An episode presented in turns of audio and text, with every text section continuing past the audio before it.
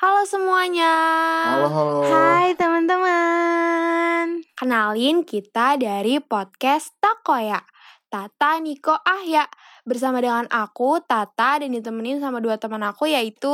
Aku Niko. Dan aku Ahya. Yeay! Yeay, seru banget nih guys kita bertiga. By the way, kita kali ini mau bahas apa nih? Ada apa ya? Nah, uh, mungkin kita langsung aja kali ya. Jadi berhubung karena kita lagi ada lomba podcast nih dari Bank Indonesia, sekarang tuh kita lagi pengen ngobrolin hal-hal yang berbobot nih di podcast ini. Kayak gitu guys. Jadi kita bakal ngomongin kenapa sih kita harus peduli tentang stabilitas sistem keuangan. Keren banget nggak tuh temanya? Eh, keren banget sih. Kacau sih. Bikin kita melek ekonomi gitu ya. Iya. Betul, berarti nanti kayak bisa informatif banget gak sih nih uh, podcastnya. Nah, jadi nih uh, kita tuh dalam rangka uh, lomba podcast ini kita bakal ambil subtema yang ketiga nih tentang digitalisasi permudah akses keuangan. Nah, sebelum masuk ke tema uh, intinya itu, sebelumnya nih kita kan punya tema besar nih tentang pentingnya kebijakan makroprudensial bagi stabilitas sistem keuangan. Nah, sebelumnya nih aku pengen tanya nih ke Niko sama Tata, kalian tahu nggak sih sebenarnya kebijakan makroprudensial itu kebijakan apa? Hmm, kalau dari aku ya, aku sih belum pernah nih dengar makro prudential. Apa ya? Aku jarang sih dengar kayak gini.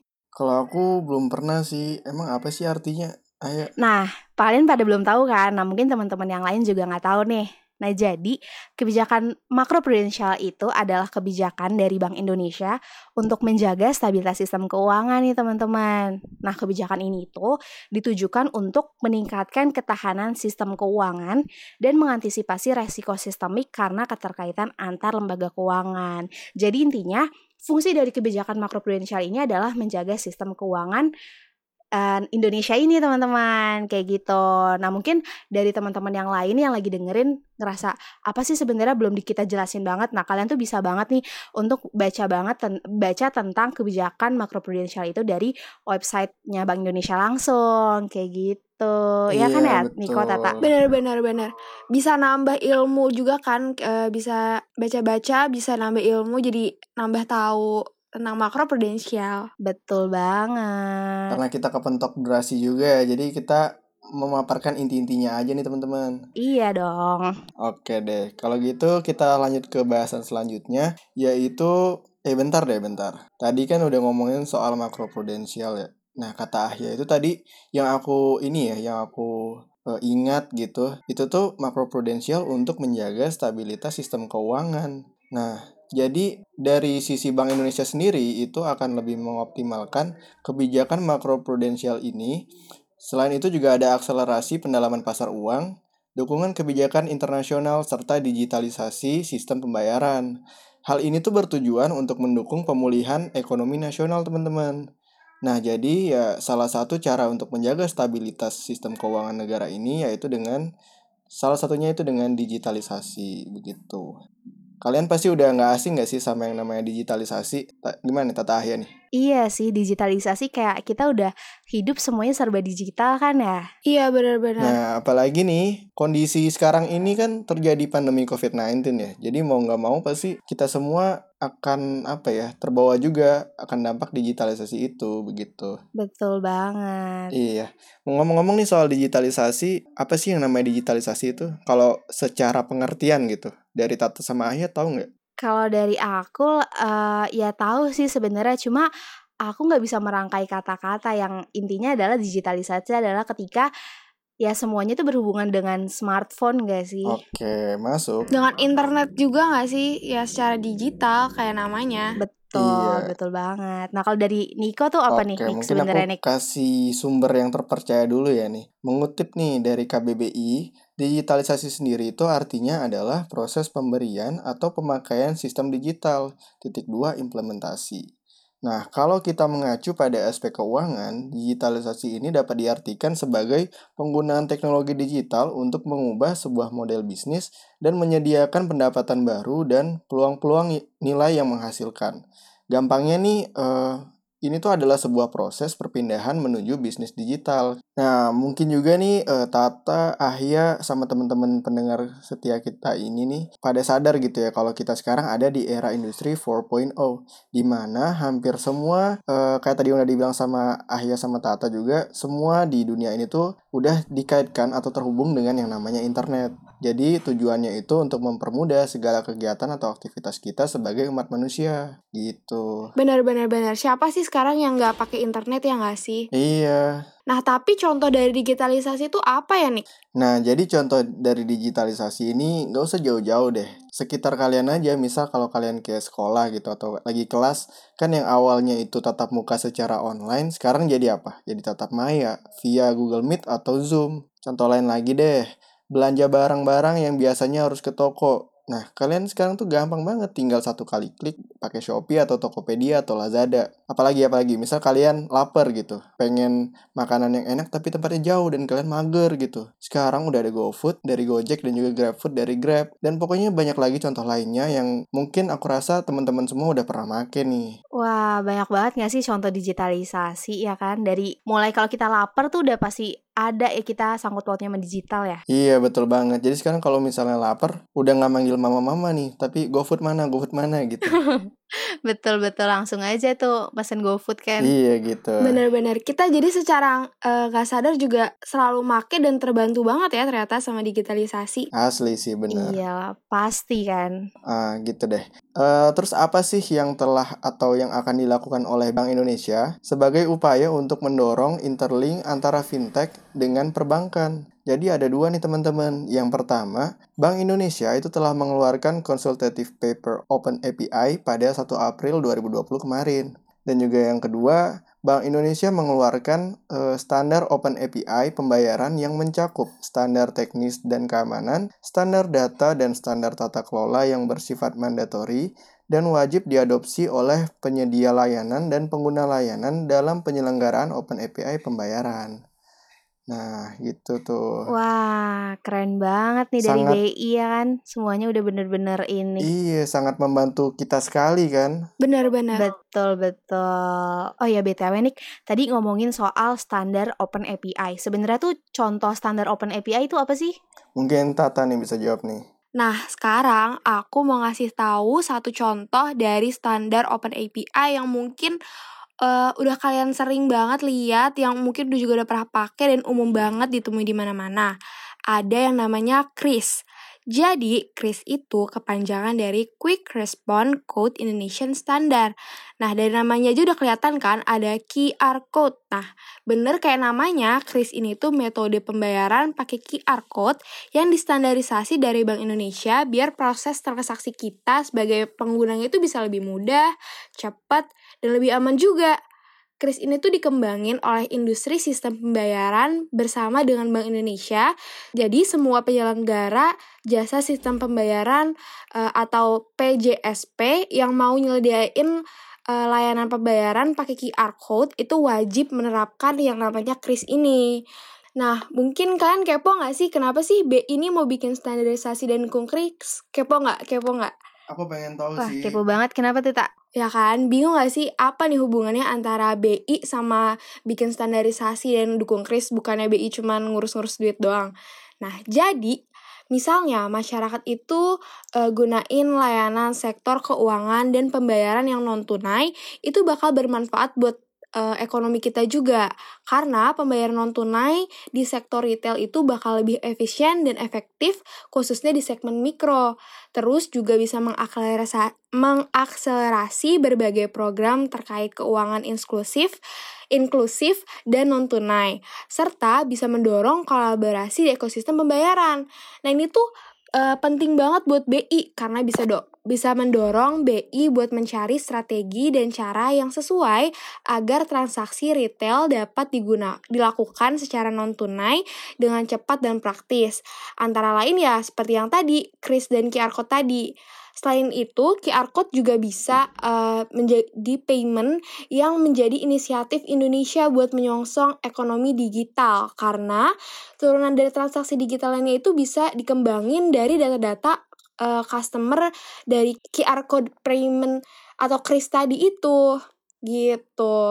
Waduh, keren banget sih Kris ini. Keren banget tuh. Jadi Kris ini untuk ini ya, untuk standarisasi QR QR code ya, tak? Iya bener, jadi semua QR code yang mau nyediain QR code itu sekarang ada standarisasinya dari BI yaitu Kris gitu. Hmm, gitu. Dari yang banyak nih jadi satu gitu ya. Jadi simple nggak sih makin simple ya? Betul banget. Itu dia, semakin uh, efektif dan efisien kan? Setuju sih. Iya, dari yang tadinya tuh QR code banyak banget ya, ada yang dari GoPay mungkin, ada yang dari OVO. Sekarang mungkin udah jadi satu dari uh, jadi si Kris ini ya kan teman-teman? Iya. Ih, mantep banget pokoknya. Nah, BTW nih tadi kan udah nih Tata udah ngejelasin panjang lebar tentang Kris itu. Nah, mungkin biar teman-teman makin lebih tahu nih tentang Kris, aku tuh pengen jelasin nih dikit aja tentang manfaat dari uh, si Kris itu sendiri. Nah, mungkin kelebihannya kali dari si Kris ini. Nah, jadi menurut aku nih ya uh, manfaat dari kris itu sebenarnya tuh banyak banget setelah aku baca-baca tapi uh, karena aku sendiri juga uh, pernah menggunakan si kris ini yang paling aku rasain dan mungkin paling kelihatan banget nih ya dari manfaat itu adalah yang pertama itu pasti cepet banget eh, karena uh, ketika kita melakukan pembayaran itu kita cuma tinggal nge-scan aja nggak sih jatuhnya ya kan? Langsung deh kita sama isi password. Betul kita langsung tiba-tiba udah kita bisa langsung bayar aja kayak gitu. Nah itu yang uh, paling pertama tuh cepat kan pasti. Yang kedua itu cashless. Nah mungkin buat teman-teman nih buat kaum kaum cashless yang ngerasa aduh males banget ambil-ambil duit mulu males banget kayak sukanya pakai card holder tuh mungkin kan susah tuh kalau uh, duitnya banyak tuh. Nah, ini tuh mendukung banget nih si teman-teman cashless ini. Jadi, kalau ketika mau bayar tinggal uh, nge-scan barcode aja. Nah, terus kelebihan Kris lagi adalah uh, ketika kalian punyanya uh, aplikasi GoPay aja nih atau apliko, aplikasi OVO aja. Tapi kalian nggak usah khawatir karena itu semua tuh udah terintegrasi ibaratnya. Jadi kalian tuh nggak perlu mikir lagi mau pakai aplikasi apa. Jadi kalau misalkan kalian nge-scan pakai uh, OVO bisa nge-scan pakai GoPay bisa nah itu semuanya tuh udah satu barcode itu di Kris ini ya kan teman-teman? Benar-benar efisien banget ya. Iya makin betul, efisien banget nih jadinya pakai Kris iya.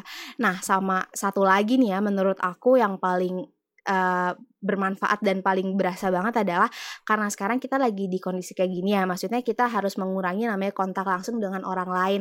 Nah jadi Kris ini itu mengurangi kontak langsung dengan orang lain nih terutama ketika kita berinteraksi kan mungkin kalau kita pakai uang atau pakai debit card gitu kan. Jadi kita ngasih debitnya ngasih uangnya apalagi kembalian itu kan pasti ada kontak lah dengan orang lainnya tapi kalau pakai Kris ini benar-benar enggak cuman tinggal scan doang.